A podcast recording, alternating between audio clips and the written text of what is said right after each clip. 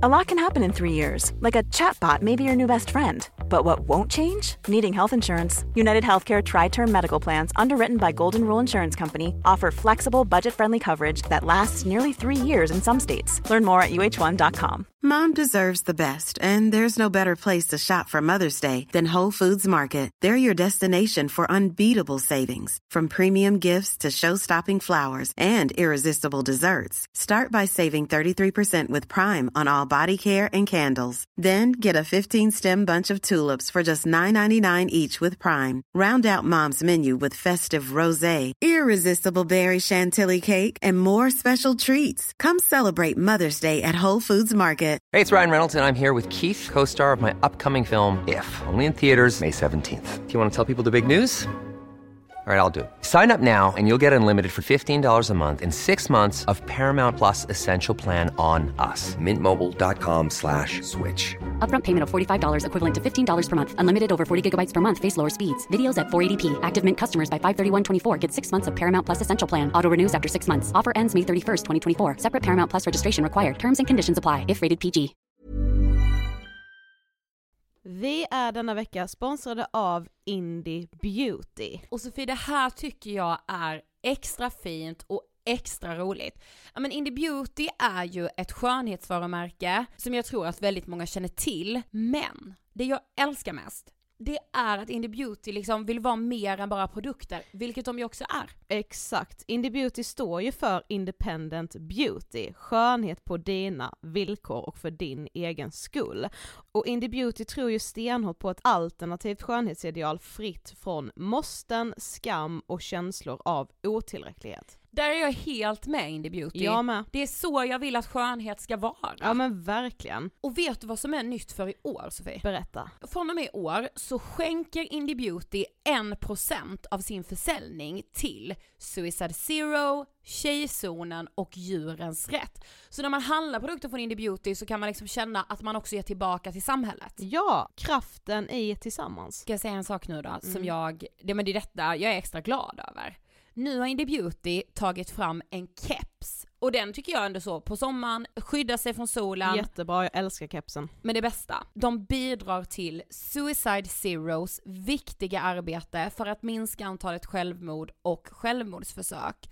Så för varje såld keps så går hela vinsten, 100 kronor, direkt till Suicide Zero. Då kan man liksom göra nytta både för samhället och sin hud på en och samma gång. Ja, och kepsen kostar 169 men alltså hela vinsten går då som sagt till Suicide Zero. Mm. Så om man vill göra skillnad när man är där ute i solen, nu när den börjar titta fram, då ska man välja den här kepsen. Den säljs exklusivt på indiebeauty.se och på Apotea. Tillsammans kan vi skapa en ljusare framtid. Vi ses med kepsarna på! Tack Indie Beauty.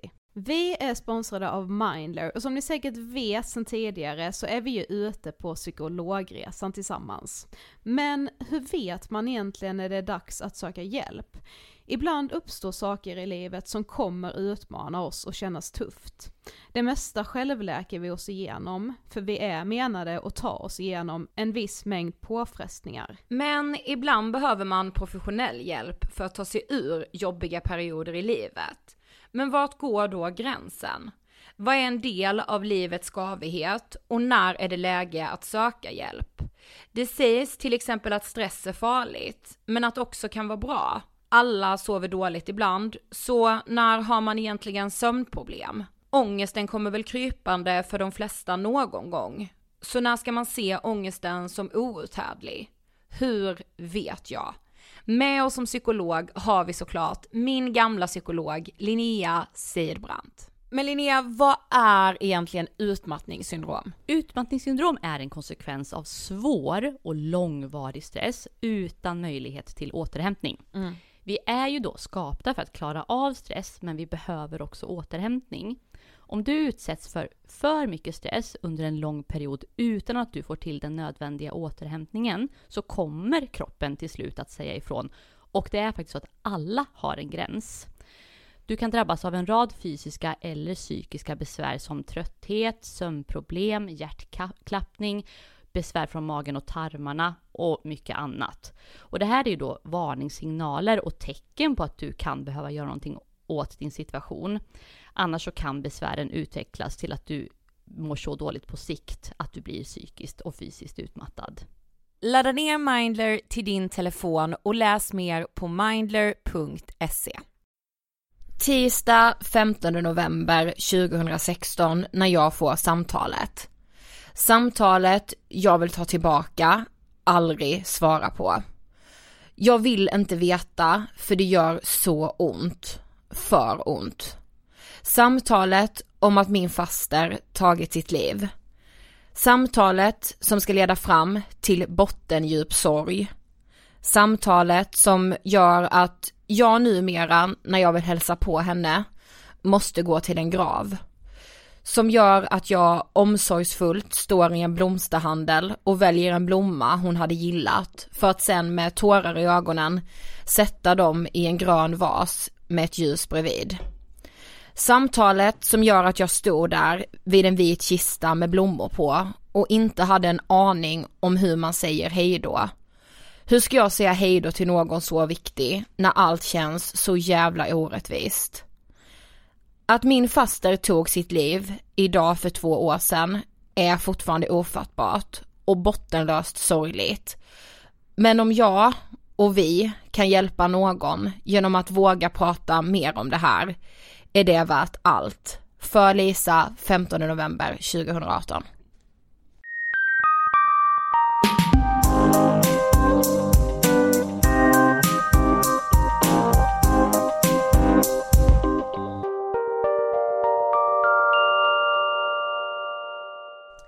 Hej på er och varmt välkomna till avsnitt 199 av Ångestpodden! Hej! Det känns liksom som att vi börjar med lite så här mysigare stämning eftersom vi har ett så fint avsnitt idag. Ja, fint och eh, viktigt. Så otroligt viktigt.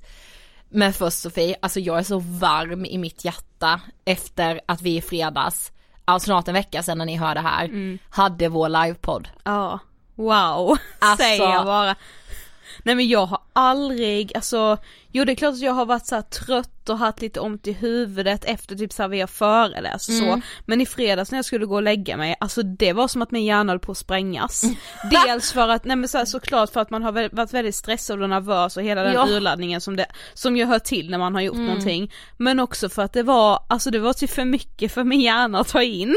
Du, jag fick ju gå upp, alltså jag fick gå upp och bara säga jag får gå upp och sätta mig med ett glas vatten och försöka så här. Ja.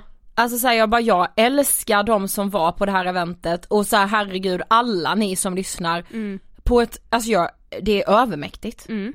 Ja men alltså jag, jag tror att vi båda är ganska så här. Alltså man är ju fartblind när man håller på med någonting, att man, när man liksom, när statistik och lyssnarantal och sånt ändå är viktigt när man liksom gör någonting som ju ångestpodden är för oss, det är Ja. jätteviktigt. Men ibland, typ som igår när vi satt på ett möte och det var en person som vi liksom aldrig har träffat innan som, som sa Alltså ni har gjort det som så många andra har försökt göra tidigare, att prata om det här skittråkiga, säger jag nu med citationstecken, ämne och lyckas göra det på ett sånt sätt så att det engagerar andra, det är liksom, alltså det är så beundransvärt så ni fattar typ inte det själva. Och är det någon gång jag ändå förstår det så är det ju i fredags när jag sitter där och har liksom lyssnare som har åkt från Malmö för att Ja. lyssna på vår livepodd och för att liksom bara få prata med oss för att vi ska få en möjlighet att prata med dem och få ett ansikte. Alltså jag, jag tror ju inte att ni som var där fattar hur mycket det betyder för oss att få, er, alltså få se era ansikten. Nej men alltså sen ni, när vissa av er sa gud det betyder så mycket att träffa er, man bara ah, Nej, det det betyder gör det så inte." mycket att träffa er. Ja. Alltså för oss, jag bara sa det till någon så här på kvällen, jag bara ja men ni tycker kanske det här är kul men vi tycker det här är Ja. bortom oss liksom. Ja. Mm. Nej men jag vill bara säga tack och eh, det bästa av allt är att vi har en hemlighet. Ja, Vi som var där har en sån jävla hemlighet. Yes. Och den här hemligheten tillsammans med livepodden släpps alltså som ett poddavsnitt nästa vecka. Ja. Det är ju liksom, det är ju verkligen livekänsla på det poddavsnittet ska ju sägas. Det är, man hör ju att vi inte sitter i vår vanliga poddstudio och Verkligen. man hör publiken väldigt my- mycket. Så så här, jag vill redan nu flagga för att ljudet är inte skitbra nästa vecka men det är en, en, också en livepodd utan dess like. Utan Fan vad nöjd jag är med den. Jag med. Men du, på tal om vår flagga, kan jag då få hissa DN-flaggan? Ja, visst. För vi ska nämligen tacka vår sponsor Dagens Nyheter och DN Digital. Ja, och nu har vi ju använt oss av DN ganska så länge. Ja, vad gjorde jag innan? Ja, jag vet inte. Nej men du vet, vad läste jag för blask? Nej, men ja, och hur hängde jag med i svängarna? För det händer ju mycket Ja. i vårt rike Sverige. Nej men det ska ju verkligen sägas, när vi eh, spelar in det här är det tisdag, men när det här släpps så kommer vi ju haft en omröstning i riksdagen om en statsministerkandidat. Ja. Det kommer ju förmodligen inte gå Nej. eh, alls. Men DN står för kvalitetsjournalistik och är det någonstans ni ska uppdatera er om läget i Sverige så måste jag faktiskt slå ett slag för att det är hos Dagens Nyheter. Yes, och jag tycker appen, alltså jag har ju liksom appen i mobilen så jag går Mm. inte in från eh, datorn på mitt igen utan jag Nej. gör det från telefonen. Ja, men det gör jag med. Och appen är så, den är liksom snygg, eh, man fattar allting, det är liksom inte massa så här pop-up med massa jävla kasinon och Nej, skit. nej, men alltså, jag vet, vet. Ja men det är bara stilrent och lätt att förstå. Och det måste jag faktiskt säga med att det adderar ju liksom någonting att veta. De som skriver där, det är inte så här vem som helst. Nej. Jag tror att DN hade fem journalister nominerade i Svenska journalistpriset i år. Det säger ganska Det mycket. säger en hel del. Verkligen. Så nu vill vi såklart slå ett slag för att ni också ska börja uppdatera er via dagens nyheter. Och det gör ni genom att gå in på dn.se slash angestpodden och registrerar ni er där så är det följande som ingår. Eh, DN digital bas är gratis de fem första veckorna men det finns ingen bindningstid så ni kan när som helst säga upp er registrering. Det är knappt lagligt. Eller hur? Eh, DN.se då, obegränsad tillgång till alla artiklar, även de låsta. Det är ju liksom, Mm. jag älskar du vet när man sitter och gör research, vi håller ju på med vår serie som kommer Ja. nu om några veckor. Och ja, jag älskar att googla, hitta en artikel, se att det är Dagens Nyheter och bara, den är lila. Men jag kommer åt den. Jag vet. Alltså det är, drömmen. ja. Ehm, sen har man också en funktion som heter Mitt igen där du kan välja att prenumerera på antingen skribenter eller olika ämnen som du finner extra intressanta. Så får du upp allting som kommer in på det ämnet eller från den skribenten. Och så DN erbjudanden, unika erbjudanden för prenumeranter. Och så är det också värt att notera att de första 30 dagarna så ingår EDN, alltså då får man liksom papperstidningen fast digitalt. Ja det, det kan jag säga att min mamma var helt blown away av. Ja, jag Hon- kommer ihåg när det kom, alltså Ja. du vet när man så första gången såg, att man kunde sitta och bläddra i en tidning, Ja. kom man bara wow! Ja men det är ju en skillnad att bläddra i en tidning och bläddra i DN. Ja, Det kan jag säga. Det är ju ändå tidningarnas tidning. Ja verkligen, och kvalitetsjournalistiken. Yes, stort tack Dagens Nyheter och DN Digital. Det känns ju väldigt konstigt för mig idag, vet jag ju. Nu säger jag det här när det är tisdag men när det här släpps så vet jag ju att så här det är jättekonstigt att det är två år sedan som min faster dog. Mm. Och jag kan liksom inte, alltså det går ju inte att prata om det utan att gråta såklart, men du vet så här. Alltså på ett sätt, jag vet att du och jag pratade om det här för bara några dagar sedan, att på ett sätt känns det som så lång tid sedan, som att det har gått så himla himla mycket tid. Och på ett sätt så känns det verkligen som den klassiska att det var igår. Mm. Men jag tycker det känns som att, det känns som att samtalet, eftersom jag också fick det, Ja. eh, det skulle jag säga så här i tid och rum känns typ som ett år tillbaka. Men när jag tänker på hur mycket vatten som har runnit under broarna sen samtalet så Ja. känns det ju som evigheter sen. Ja precis. Men idag så ska vi ju också, förutom liksom att jag är på något sätt, men jag är lite nervös men också lite lättad över att vi faktiskt ska prata mer om mig och mina liksom erfarenheter men också ska vi faktiskt få dela andras. Mm. Och det känns också ärofyllt, måste jag Mm, ja. säga. Vi skrev ju på vår Instagram att vi skulle göra ett avsnitt om suicid. Eh, och bad ju er, ni som ville liksom dela med er av era erfarenheter eller tankar kring det, skriva till oss. Så vi har eh, ändå tagit oss friheten att eh, kanske förkorta lite av det som ni skrev till oss, för vi fick ju väldigt långa meddelanden. Såklart. Men vi liksom, de här berättelserna som jag kommer läsa upp lite titt som tätt i avsnittet är, de är alla anonyma och de är ifrån personer som är helt oberoende av varandra och lever helt olika liv. Men bara för att så visa att vem som helst kan drabbas av det här. Ja. Eh, både som anhörig eller liksom drabbad själv. Och att det har ingenting att, göra med liksom, ja men hur, hur, va- var man befinner sig i samhället liksom eller hur ens framtid ser ut, hur ens familjeförhållanden ser Nej. ut, alltså det är liksom Det är både barn och föräldrar Precis. som går bort i suicid varje dag. Varje, varje dag. Mm. Jag vet liksom att i vår föreläsning så säger vi ju det att var sjätte timme tar någon i Sverige livet av sig. Och det alltså, det är alltid reaktioner, man ser verkligen hur så här ansiktena blir längre när vi säger det. För att man börjar tänka och bara, men, men vad var då var sjätte timme, det är fyra om dagen. Det är 30 i veckan, bara, ja det är 30 liv i veckan. Och det är så absurt hur det kan vara så tabu. Hur det inte kan pratas om varje dag. Hur det inte kan finnas en gala bara tillägnad suicid och, och självmord. Det, alltså det, jag vet inte. Nej, nej men inte jag heller. Det kändes ju ändå lite som att, vilket ju var väldigt fint när eh, i våras när Tim Bergling Avicii dog och det kom fram att det var självmord. Eh, då var det väldigt många som liksom engagerade sig och det var väldigt starkt och alltså det var ju så, det var ju så jävla jävla sorgligt men det kändes ändå som en sorts ögonöppnare. Precis. Jag vet att vi skrev ett eh, inlägg på vår Instagram som Ja. blev jättedelat. Ja. Eh, där vi också liksom skrev det här med att Ja nu, nu sörjer hela Sverige för en person Mm. men varje dag sörjer egentligen familjer runt om i hela Sverige för att de känner någon som har gått bort i självmord. Och att lite, alltså det var jättefint att det var den ögonöppnaren men det är ju hemskt att se hur ögonen stängs lika snabbt igen. Verkligen.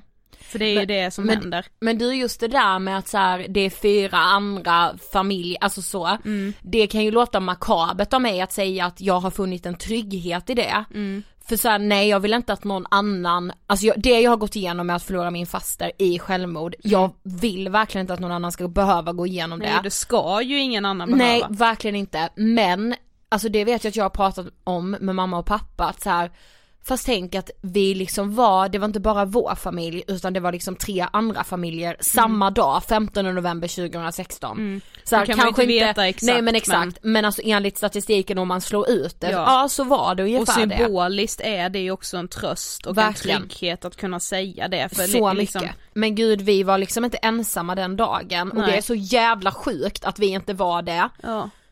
Men tyvärr är det liksom så det ser ut. Mm. Jag tänker verkligen direkt också på att så här, vi ska, det här avsnittet kommer inte handla om vården. Även om så här, för det är verkligen ett avsnitt i sig. När det kommer till liksom hur man eh, bemöter självmord, hur man, eh, hur det pratas om det inom vården. Eh, och jag vet också att det finns så många enskilda individer inom vården som är otroliga och som gör ett fantastiskt arbete där. Eh, men så många som faller mellan stolarna, det är oacceptabelt. ja det är helt sjukt. Eh, jag vet att det spreds ett inlägg nu precis på Facebook från en mamma som hade förlorat eh, sin man Mm. i självmord. Och han, han hade sökt eh, vård på psykiatrin, alltså på psykakut. Eh, söndag, måndag, tisdag, onsdag och torsdag morgon. På torsdag eftermiddag tar han sedan sitt liv. Mm. Det är, alltså vad är det? Jag blir bara såhär va? Mm. Det får mig att tycka att Sverige är ett u-land. Ja. Men, Alltså jag- men man, men man sitter ju faktiskt och kliar sig själv i huvudet för man undrar Ja. ju hur det är möjligt Ja. Alltså vad fan är det här liksom Ja men vad har vi gjort med vår så kallade välfärd? Alltså var är skyddsnätet för alla de som lider av psykisk ohälsa? Ja. Det är också, alltså det är aldrig ett val för den som tar livet av sig. Nej, gud vad det är viktigt. De är sjuka, precis Mm. som att man kan bli sjuk i liksom cancer eller få magproblem, alltså man blir sjuk i själen. Ja men verkligen, jättesjuk. Ja, Precis som att när man har en ätstörning eller man har panikångest eller någonting, man väljer ju inte det. Nej. Mm. Utan man blir sjuk. Och den allvarligaste formen av psykisk ohälsa det är självmordstankar och sen att vara liksom självmordsbenägen. ja en risk Eh. för sitt eget liv. Ja men precis. Och det, precis, alltså det är en sjukdom för man läser så så så ofta att så här, och sen valde den att ta sitt liv. Jag vet att vi har uttalat oss så Mm. Ja. innan vi liksom eh, visste Ja så jag blir inte arg på någon som uttrycker sig så, för jag hade inte. också gjort det om jag inte hade varit intresserad av den här frågan. Och man hör ju också så äldre generationer som säger men, men den, alltså på något sätt att finna tröst i det, Ja. att så här, men hen valde ju det. nu här, får ju hen vila. Exakt, den. Nu- Det var det här han eller hon eller hen ville, Mm. så vi får försöka tänka så. Man bara, nej, Nej. Det är ju aldrig ett val för någon. Det Alltså, handlar en frisk inte person skulle inte ta livet av sig. Nej, det handlar ju om att man är så sjuk så att det är enda, enda utvägen. Mm. Eller att man liksom är i ett någonstans i livet där man bara känner att livet inte är värt att leva. Alltså du och du, det kan ju liksom det är så mycket som kan göra att du får självmordstankar. Det behöver inte bara vara att du kanske får en, liksom en ätstörning eller en depression. Det kan ju vara så mycket annat som startar den där, det där som leder till självmordstankar, liksom mobbning eller utanförskap, eh, arbetslöshet, alltså Ja. det är så mycket som, som kan trigga igång de tankarna. Ja, verkligen. Ska vi lyssna på en lyssnarberättelse? Jag förlorade min bästa vän sommaren 2006 när jag själv var inlagd på grund av anorexi. Jag kan minnas än idag precis vad jag gjorde och när jag fick veta att hon tagit sitt liv. Jag kunde inte förstå, jag kunde inte ta in det. Det tog en dag av chocktillstånd innan jag bröt ihop totalt inne på avdelningen och låg i knät på en sjuksköterska och grät i flera timmar. Hon sa ingenting, hon bara lät mig gråta. Min bästa vän hade haft problem med depression tidigare och jag visste inte att det var så illa. Jag skuldbelade mig själv för att jag inte såg eller gjorde något som kanske hade kunnat förhindra det. Men idag vet jag att jag inte kunde göra något annorlunda just där och då. Det tog flera år innan jag kunde acceptera det, men saknaden kommer jag nog aldrig att komma ifrån. Men, men alltså åter lite då till min faster. Mm. Alltså du vet att det är två år sedan, nej men alltså hur, alltså hur har jag ändå klarat mig, tänker jag jätteofta. Men man gör ju det. Ja men det är det som är så sjukt, alltså nu kommer jag gråta hela tiden när vi pratar om det här. Men det är liksom det som är så sjukt, hur man liksom, nej men alltså hur så här vardagen fortsätter. Och jag minns så mycket i början att så här att någon liksom, ta, att någon nära en tar sitt liv kommer ju inte alltid som en chock för alla, för alltså vissa gör ju mycket självmordsförsök och sådär. Och sen då tyvärr så går det liksom så pass långt så att någon lyckas ibland, men så var det inte med min faster. Nej utan, och det är ju också väldigt vanligt. ja att folk det är det har lidit i det tysta och bara out of nowhere Ja, inte finns precis. mer. Och så var det ju verkligen för, för min faster, att Mm. det var ju en sån chock Mm. att hon mådde så dåligt. Mm. Alltså för alla liksom, för mig och min familj och för hennes nära vänner. Mm. Eh, och, och just så här, alltså det jag typ har tyckt varit allra jobbigast de här åren, alltså så här, att bära sorg är skitjobbigt Mm. för alla som gör det. Och det kommer ju alla också göra. Ja, alla kommer behöva bära sorg. Mm. Men jag har tyckt att det som har varit typ, alltså verkligen lika jobbigt, det har varit att behöva bära tanken på hur hon har mått Mm.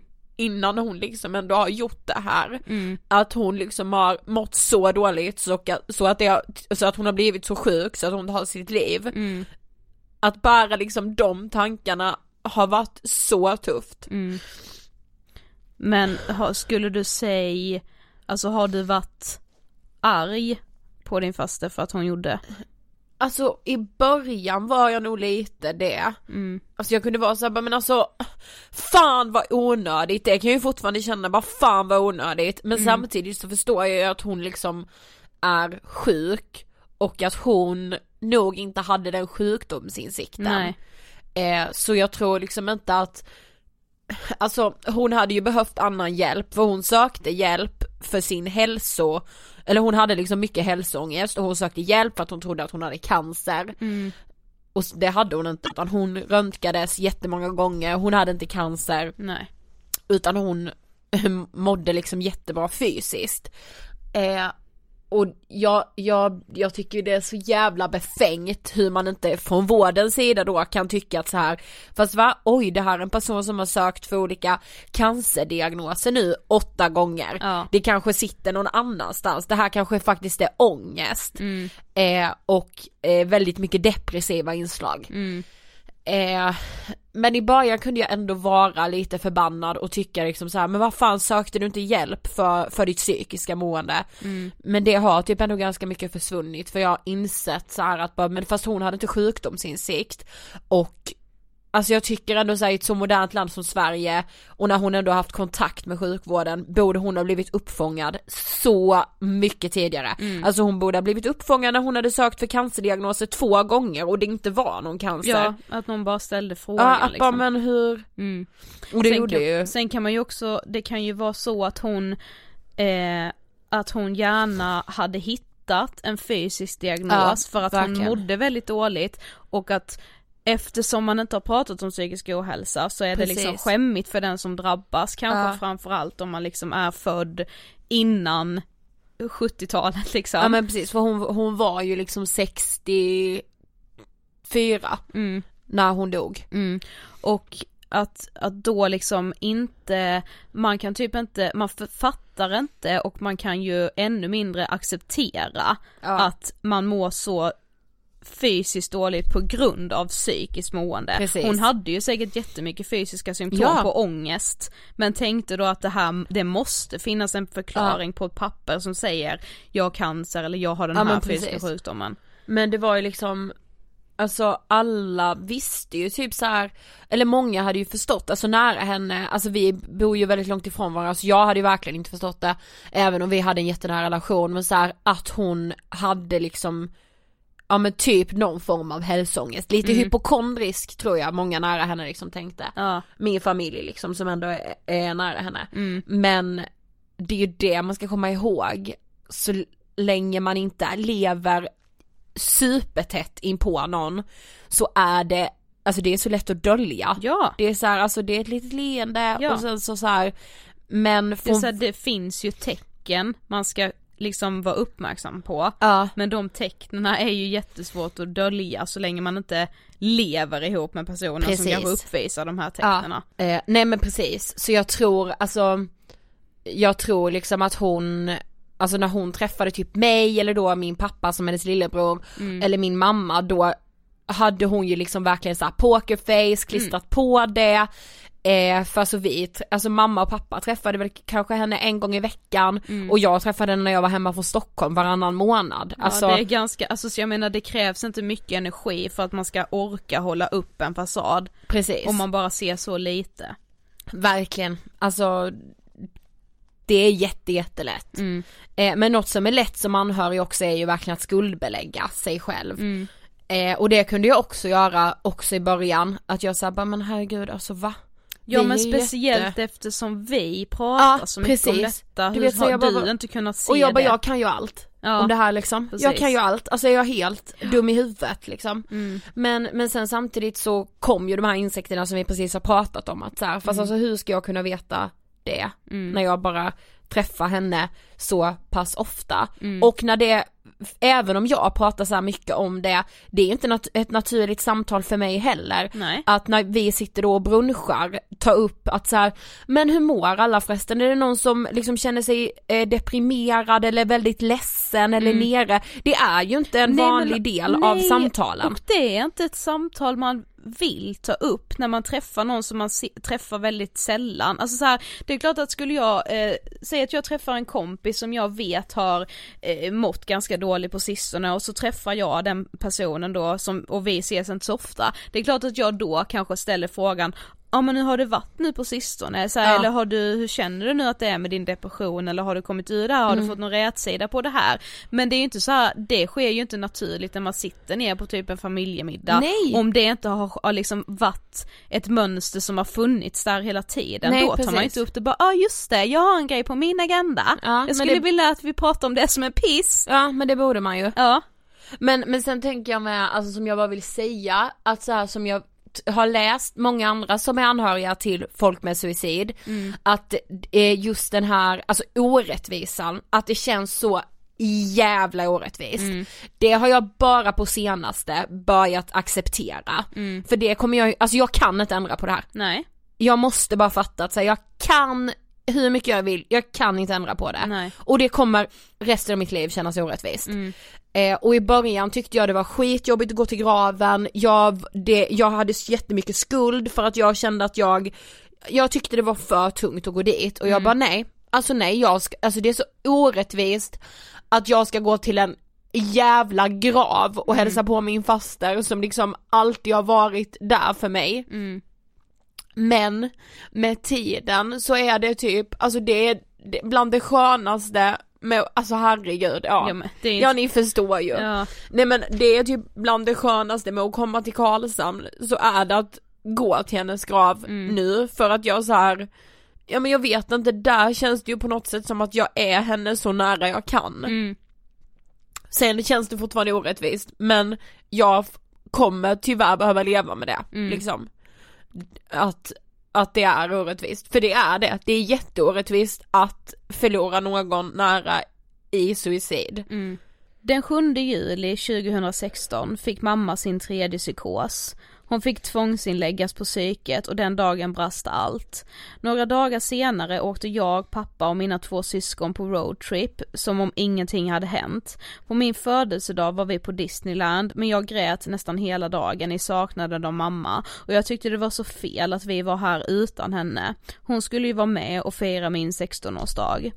Under den månaden när mamma var på psyket var jag hos henne två gånger och det var verkligen bland det jobbigaste jag gjort. Jag såg hur hon kämpade men hon var inte min mamma längre. Den kvinnan framför mig är inte min mamma, det är någon annan. När mamma väl var hemma bråkade vi väldigt mycket. Hon ville inte ta sina mediciner och hon lovade att aldrig få en psykos igen. Jag kommer ihåg den där dagen så väl. Jag minns att jag och mamma hade bråkat dagen innan så jag gav inte henne någon hejdåkram när jag skulle gå till skolan. Klockan 14.31 skrev hon att hon var och hämtade ut nya mediciner varpå jag svarade med förlåt mamma, jag älskar dig jättemycket och jag hoppas att du mår bättre snart. Hey, I'm Ryan Reynolds. At Mint Mobile, we like to do the opposite of what Big Wireless does. They charge you a lot, we charge you a little. So naturally, when they announced they'd be raising their prices due to inflation, we decided to deflate our prices due to not hating you. That's right. We're cutting the price of Mint Unlimited from $30 a month to just $15 a month. Give it a try at mintmobile.com slash switch. $45 upfront for three months plus taxes and fees. Promo for new customers for limited time. Unlimited more than 40 gigabytes per month. Slows. Full terms at mintmobile.com. Hiring for your small business? If you're not looking for professionals on LinkedIn, you're looking in the wrong place. That's like looking for your car keys in a fish tank. LinkedIn helps you hire professionals you can't find anywhere else, even those who aren't actively searching for a new job but might be open to the perfect role. In a given month, over 70% of LinkedIn users don't even visit other leading job sites. So start looking in the right place. With LinkedIn, you can hire professionals like a professional. Post your free job on linkedin.com slash people today. Cool fact a crocodile can't stick out its tongue. Also, you can get health insurance for a month or just under a year in some states. United Healthcare short term insurance plans, underwritten by Golden Rule Insurance Company, offer flexible, budget friendly coverage for you. Learn more at uh1.com. Klockan 19.46 skickade jag ett till sms till mamma. Mamma? Frågetecken. Mamma hade inte kommit till hennes kompis som de bestämt. Paniken steg men jag var ändå tvungen att hålla mig lugn inför mina syskon och inte tänka på att hon kanske var död. Klockan 22.30 kom pappa hem och vi tände ett ljus. Mamma var död. Det har gått två år och ibland känner jag hennes närvaro, men det är inte samma sak. Jag saknar hennes röst och underbara skratt. Jag vill krama henne och ge henne en käftsmäll. Hon lämnade tre underbara barn. Jo men bara, du sa ju också det här med att liksom du inte ville gå till graven Ja. i början och Nej men kommer du inte ihåg att jag sa det mycket till dig? Ja och Ja. jag kommer ihåg, också ihåg att det var så här: denna gången nu när jag ska Ja. åka hem så ska jag gå till Lisa liksom. Mm. Jag bara, ja som du vill göra det men Ja. du behöver ju inte känna skuld om du inte går dit. Nej. Och det är ju liksom mer jätteviktigt att liksom komma ihåg att så här, det finns inga rätt och fel i ett sorgarbete. Nej, alltså du det är det viktigaste. Och, och alla måste få göra det på sitt sätt, alltså det kan ju vara jätteolika från liksom familjemedlemmar. Jag vet ju Ja. att du, varken du eller din mamma eller pappa har ju bearbetat sorgen på samma sätt. Absolut. Alltså ni alla tre har ett eget tillvägagångssätt för att palla av den stora sorgen och det Mm. det handlar ju inte bara om suicid men liksom om någon har, om, det känns som att suicid kommer ofta så plötsligt, om någon dör i en sjukdom så är Ja. det ändå många gånger ganska väntat. Precis. Man blir sämre och sämre eller man har liksom fått den här dödsdomen på något sätt Ja, om man har precis. typ en dödlig cancer. Ja. Men att liksom sorg är alltid något som liksom måste få ligga hos var och en. Verkligen. Och det finns som sagt inga rätt och fel och vissa kanske, du hade, det hade lika gärna kunnat vara så att du ville vara vid hennes grav varje dag. Ja, precis. du hade kanske velat åka hem till Karlshamn varje helg bara Ja. för att gå till hennes grav Ja. och då hade det fått vara så liksom. Ja men verkligen. Och jag tror med att så här, om man liksom ska ha regler för sig med hur man ska sörja Mm. och vilka känslor man får känna, då blir sorgearbetet dubbelt så jobbigt Mm. liksom. Och det allra viktigaste är ju också att inte skuldbelägga sig om man skulle börja må bra. Nej, det var det jag skulle säga. Jag minns att jag typ gick ut två helger efter och jag Ja. bara gud får jag det? Ja jag men bara är det här verkligen okej? Jag bara nej men ska vi verkligen det? Ska vi Ja. vara glada och skåla här nu? Ja. Alltså och sen så här, alltså man kan liksom göra fina saker som är så här, vi kan ju ha en kväll när vi ska gå ut och ha svinkul och jag bara kan vi inte bara skåla för Lisa? Jo. Ja.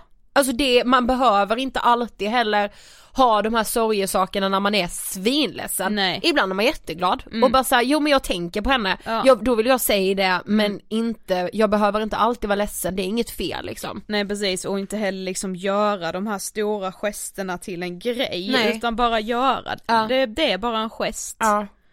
Men eh, jag tänker att vi ska gå vidare lite och prata statistik.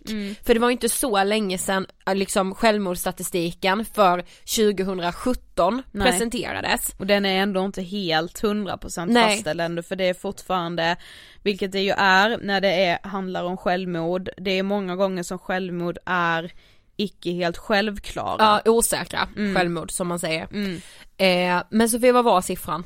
1544 personer tog sitt liv 2017. Vilket tyvärr var en ökning från Yes. 2016. Mm, för då var det 1478. Precis.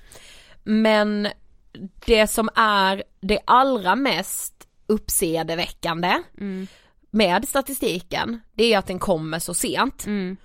Eh, och det, och så här, jag fattar ju hela det här, man ska, man ska fastställa, man ska med, med liksom säkra och icke säkra självmord, man ska liksom räkna ihop och alla kommuner, la la la. Ja för nu fattar. är det just den statistiken som finns ute nu att hitta, den säger två olika siffror. Ja. Den som kommer från, jag tror det är Karolinska. ja det är de som gör det ju. Ja den är inte 1544 för den är något annat, jag har inte den i huvudet nu men Nej. den är lägre. Ja. Men sen så finns det en annan statistik som har släppts som bland annat Mind har delat. Ja. Som är 1544 personer.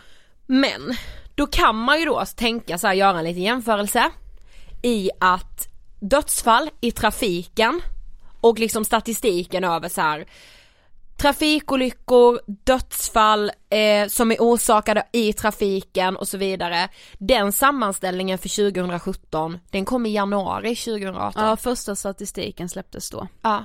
Och självmorden kommer i oktober. Mm.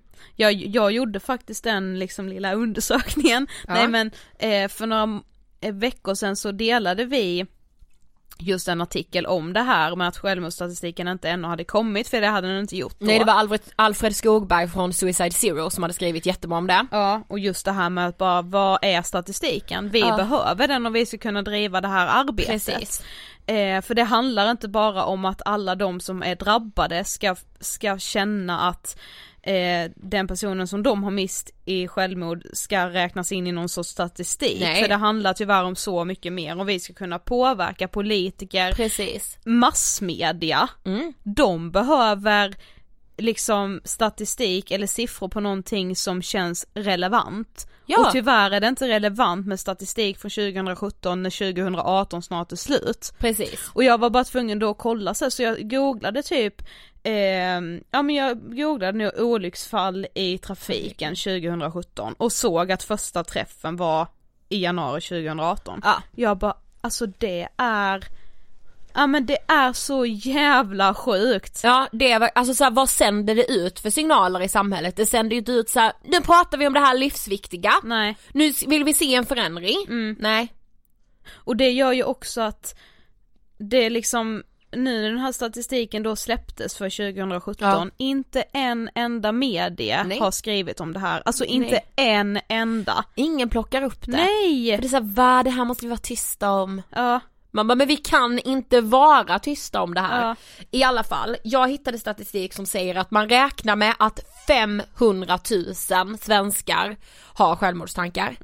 Eh, vilket också, någon hade uttalat sig, någon professor och sagt så här att det kan nästan ses som någonting som nästan alla kommer uppleva under sitt liv. ja, Inte nästan alla, men väldigt många kommer uppleva det under sitt liv. Självmordstankar. Ungefär 100 000 genomför ett självmordsförsök och cirka 1500 dör varje år. Så 100 000 självmordsförsök görs på ett år.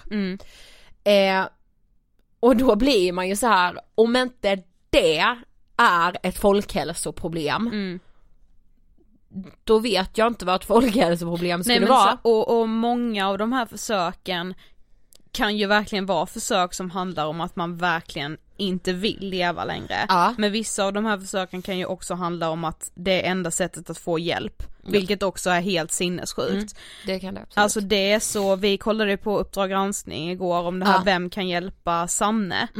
Vilket jag tycker att alla ska titta på. Det handlar inte om, om, om självmord just men det handlar bara om hur vårt vårdsystem är upp, uppbyggt för att ingen, ingen instans ska behöva ta på sig ansvaret för någons död. Men det är det jag inte förstår heller, alltså så här, i, i min värld, i den bästa av världar, ska väl alla instanser vilja ta på sig det ansvaret. Alla instanser ska väl vara så här: och nej, ett människoliv har gått till spillo, vad och, kan vi och göra? så många människoliv runt det här döda Precis, vad kan vi göra, hur kan vi förändra oss? Ja.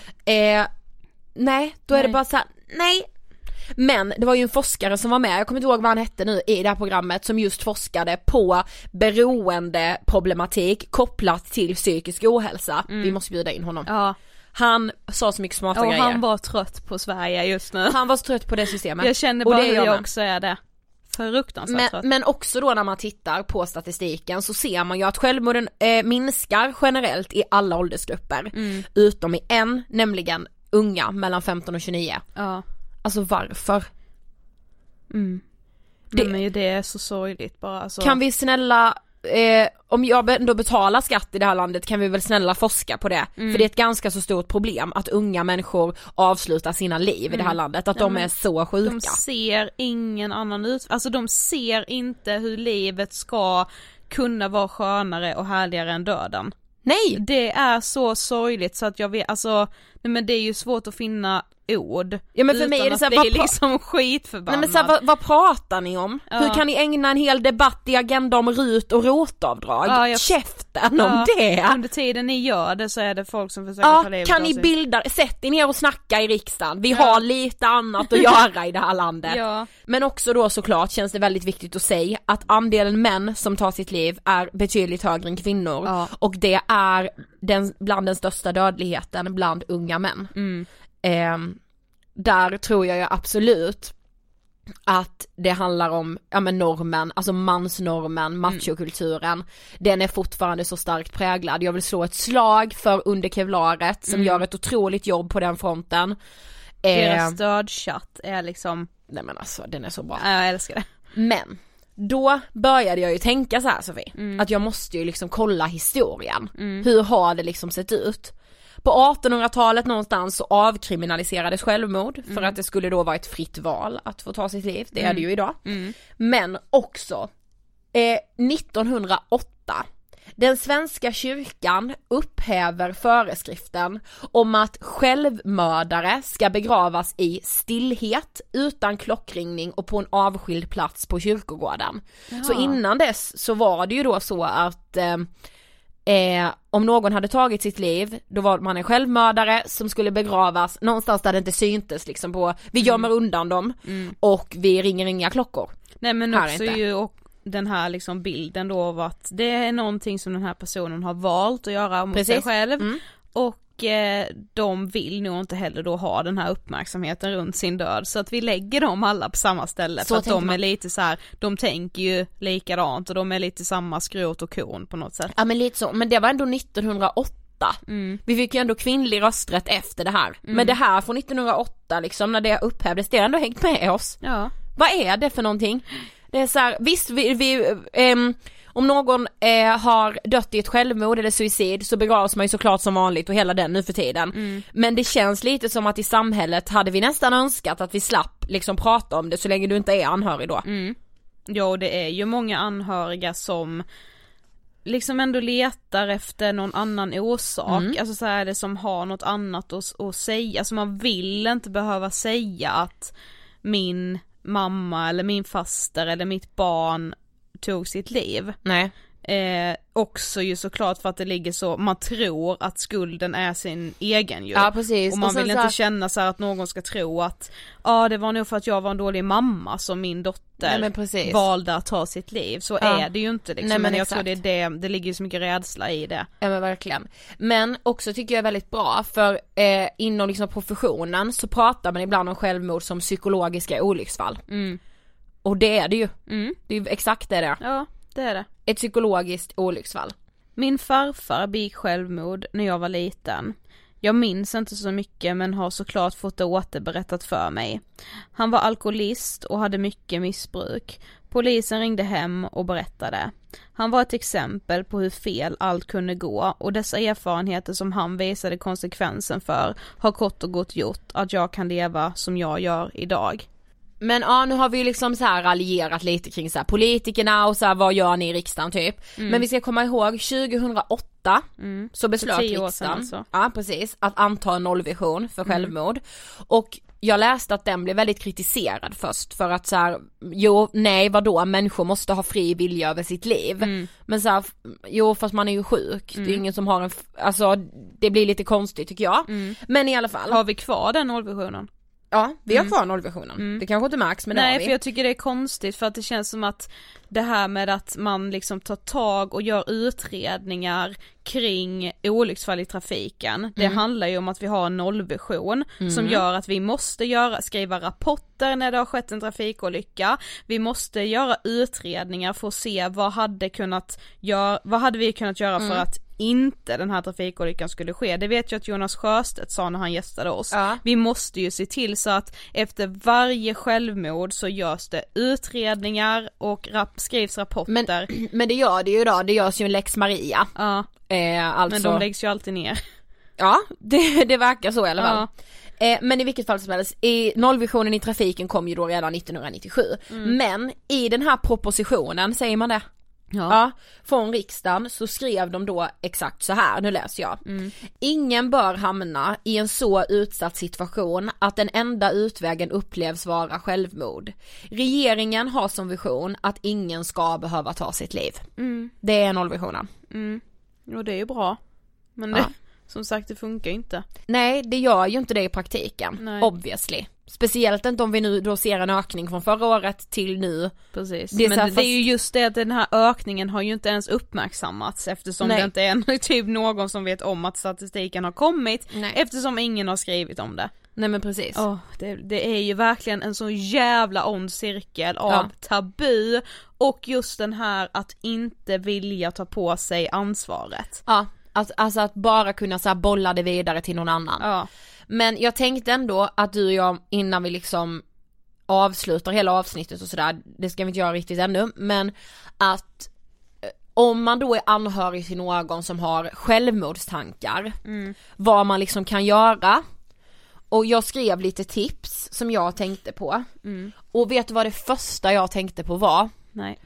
om man får reda på eller liksom vet att någon nära en har självmordstankar, att man blir, eller är medveten om att man kommer bli rädd för det. Mm. Eh, för det kommer man förmodligen bli, för det känns väldigt stort. Det är ju helt naturligt att bli rädd. Det är Alltså, helt man är ju naturligt. rädd för död. Men vet du vad impulsen är när du blir rädd? Nej. Det är ju såklart att ignorera det här. Mm. Att inte prata om det, att inte, som man säger, väcka den björn som sover. Ja. Men det måste vi liksom släppa. För impulsen är kanske då att ignorera. Men då måste man ha med sig att nu kan du vara en livräddare. Ja. Nu är du en livräddare. Mm. Och det är så så så viktigt att vi kommer ihåg det. Mm. Så, om du är anhörig till någon som har självmordstankar, då behöver du nu också prata med någon Precis, för att ju- få stöd. Ja, det är ju alltså anhörigstöd har vi ju inte heller jättebra i Sverige. Alltså så här, Nej. det, det finns men inte tillräckligt mycket och bra och det är väldigt lätt att liksom glömma bort sig själv när någon annan mår psykiskt dåligt men det får man liksom aldrig göra och det är ju Nej. såklart jättepsykiskt påfrestande att leva med någon eller ha någon anhörig som man vet mår så dåligt att Precis. de överväger att ta sitt liv. Det är ju liksom en oro som är, ja men som man såklart inte ens kan beskriva om man inte Nej. själv upplever den. Precis. Ett annat tips, att lyssna okritiskt. Att lyssna utan att döma personen som väl vågar öppna upp sig. Eh, och också att våga fråga om självmord. Eh, och Mind har faktiskt gjort eh, en liksom liten lista hur man kan kontrollera säkerhet kring någon med självmordstankar. Då skriver Mind så här. Om någon tänker ta sitt liv är det viktigt att veta hur allvarliga tankarna är och hur länge de har funnits. Du kan till exempel ställa följande frågor. 1. Har du tänkt ut hur och när du ska ta ditt liv? 2. Har du tillgång till medel eller tänkt skaffa dig det för att utföra din plan? Eller 3.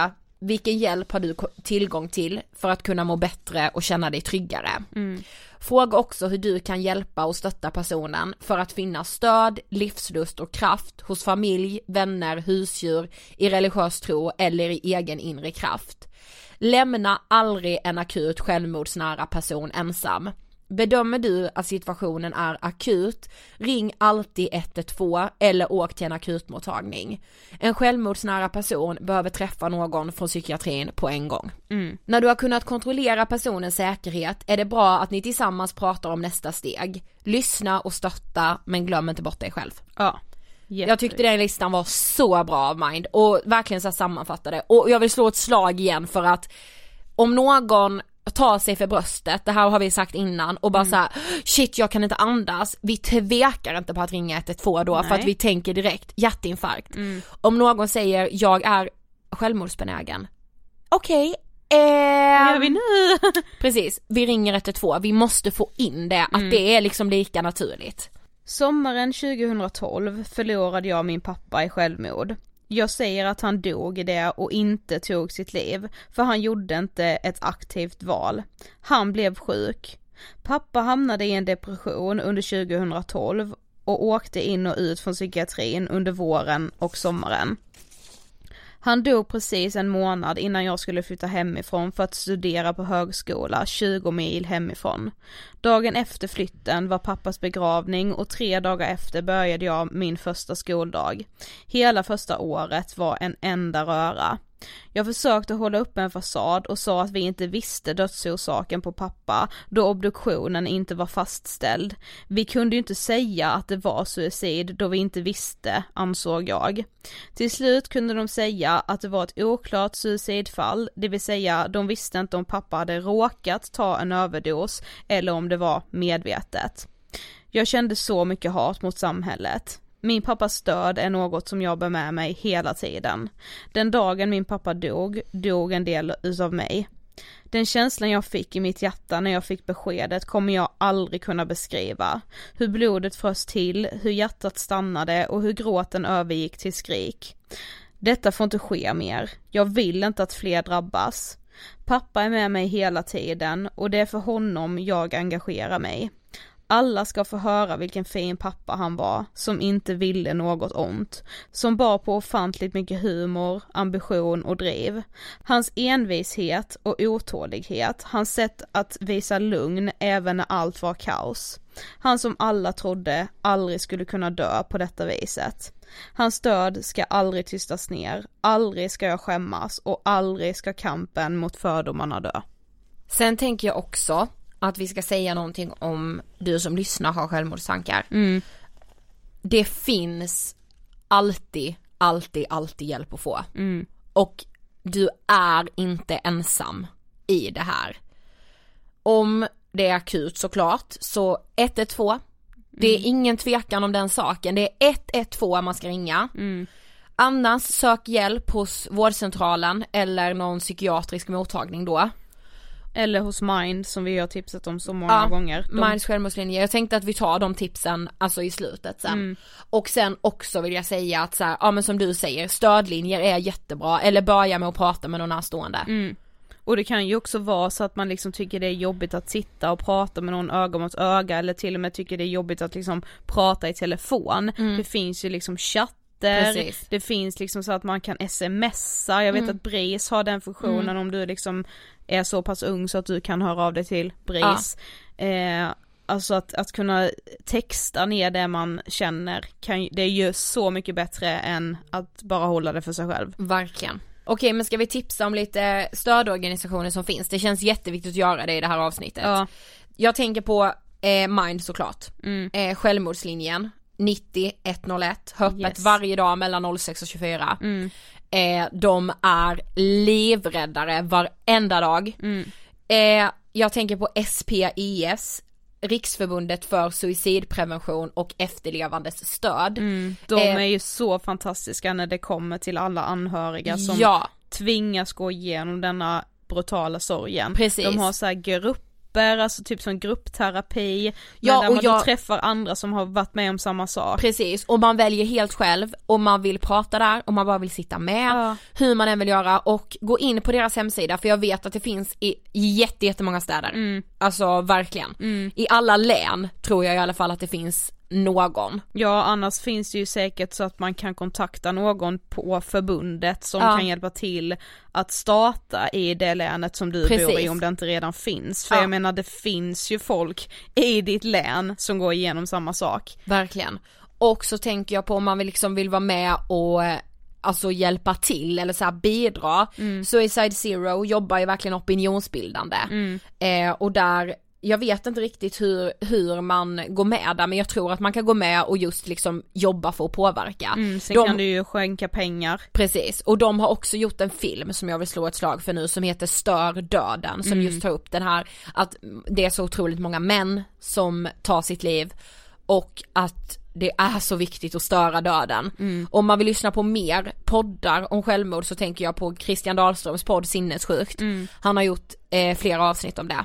Eh, Och vi har ju redan tidigare, för väldigt Ja. länge sedan dock, gjort ett avsnitt tillsammans med Ludmilla Rosengren Ja. som förlorade sin dotter i självmord. precis. Eh, jag tänker också att det kan, eh, oavsett om man är drabbad på ett eller annat sätt eller bara känner att man vill engagera sig i Ja. den här frågan så är det ju många eh, stödorganisationer, inte minst Mind som Mm. är i allra största behov av volontärer. Precis. Eh, då får du ju såklart en utbildning så att du vet hur du ska hantera de här inkommande samtalen eller chatterna och så. Precis. Eh, men att volontära tror jag gör väldigt mycket för en själv. Det tror jag med. Även om man är drabbad eller inte. Alltså, Det- inte bara alltså- att man får den här utbildningen som ju Nej. kan rädda liv utan bara känna att man kan göra den skillnaden. Det, är, alltså, det betyder ju så mycket för en. Ja. Och, nej men alltså vi måste komma ihåg att så här, det här är ett folkhälsoproblem men alla kan verkligen göra någonting i den här frågan. Mm, Men alla Våga, kan, och alla kan drabbas. ja verkligen, våga prata om det här. Mm. Och om du känner det här, prata med någon. Det är nyckeln till att liksom bli, eh, till att må bättre. Mm.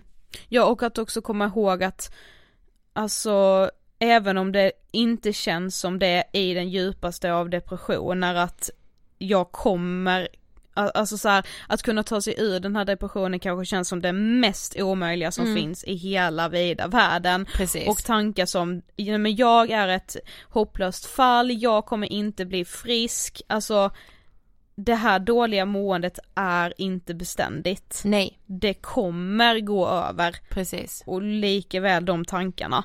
Ja, Eh, och, och det är liksom världens jävla klyscha att säga, och när du kommer ut på andra sidan är du starkare än någonsin, men det är ja. du. och som anhörig så tänker man så här, var inte rädd för att så här, jag läste på Mind att det stod så här Lova aldrig mellan dig och någon som är självmord, självmordsnära eller benägen att så här, det här blir en hemlighet mellan oss. Nej. Nej, Nej. absolut inte. Prata med andra, hjälp den här personen få hjälp. Den personen blir kanske skitarg på dig i stunden men kommer att tacka dig sen när du har räddat livet. Men, men du kan den. ju, det, det kan man ju också jämföra med en hjärtinfarkt. Om du skulle Ja. se någon få en hjärtinfarkt skulle du inte säga det här sker bara med de här fyra ögonen. Nej, det här stannar Alltså, mellan oss. Ja, det gör det Nej. inte. Så ja, försök hela tiden återkoppla till den jämförelsen. för Ja, att det skulle vara en lika- fysisk sjukdom liksom. Ja, precis. Ja. Vad Ja. viktigt det här kändes. Ja, och långt blev det med. Ja men speciellt på liksom Lisas dödsdag. Mm. Mm. Men jag tror att hon är jättestolt. Jag tror dig. det. Jag hoppas det.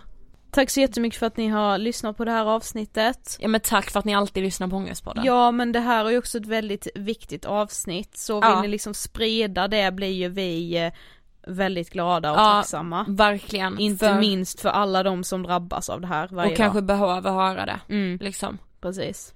Eh, det var allt. Nästa vecka är det 200 avsnitt. Ja nästa vecka hörs vi inte riktigt som vanligt. Det gör vi inte. Men ni kommer förstå varför. Gud jag måste hålla i hatten inför nästa avsnitt. Ja, jag säger bara så här, håll utkik i poddflödet nästa vecka. Det kanske händer någonting speciellt. Konstigheter kanske händer. Det tror jag. Ja ja, ha Okej. det bäst. Ha det bäst ja. Hejdå! Puss hej!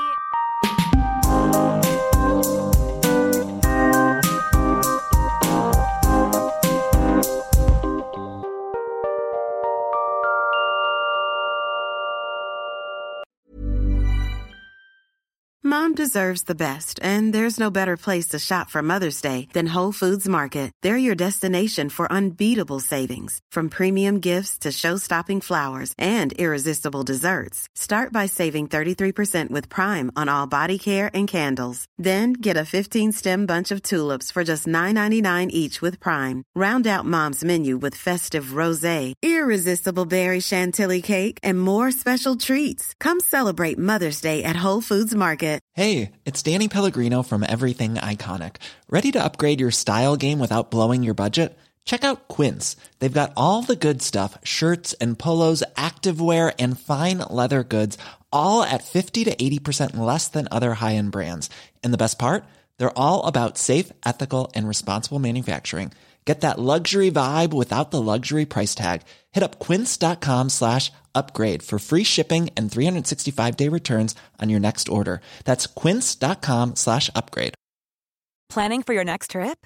Elevate your travel style with Quince. Quince has all the jet setting essentials you'll want for your next getaway, like European linen, premium luggage options, buttery soft Italian leather bags, and so much more. And is all priced at 50 to 80% less than similar brands.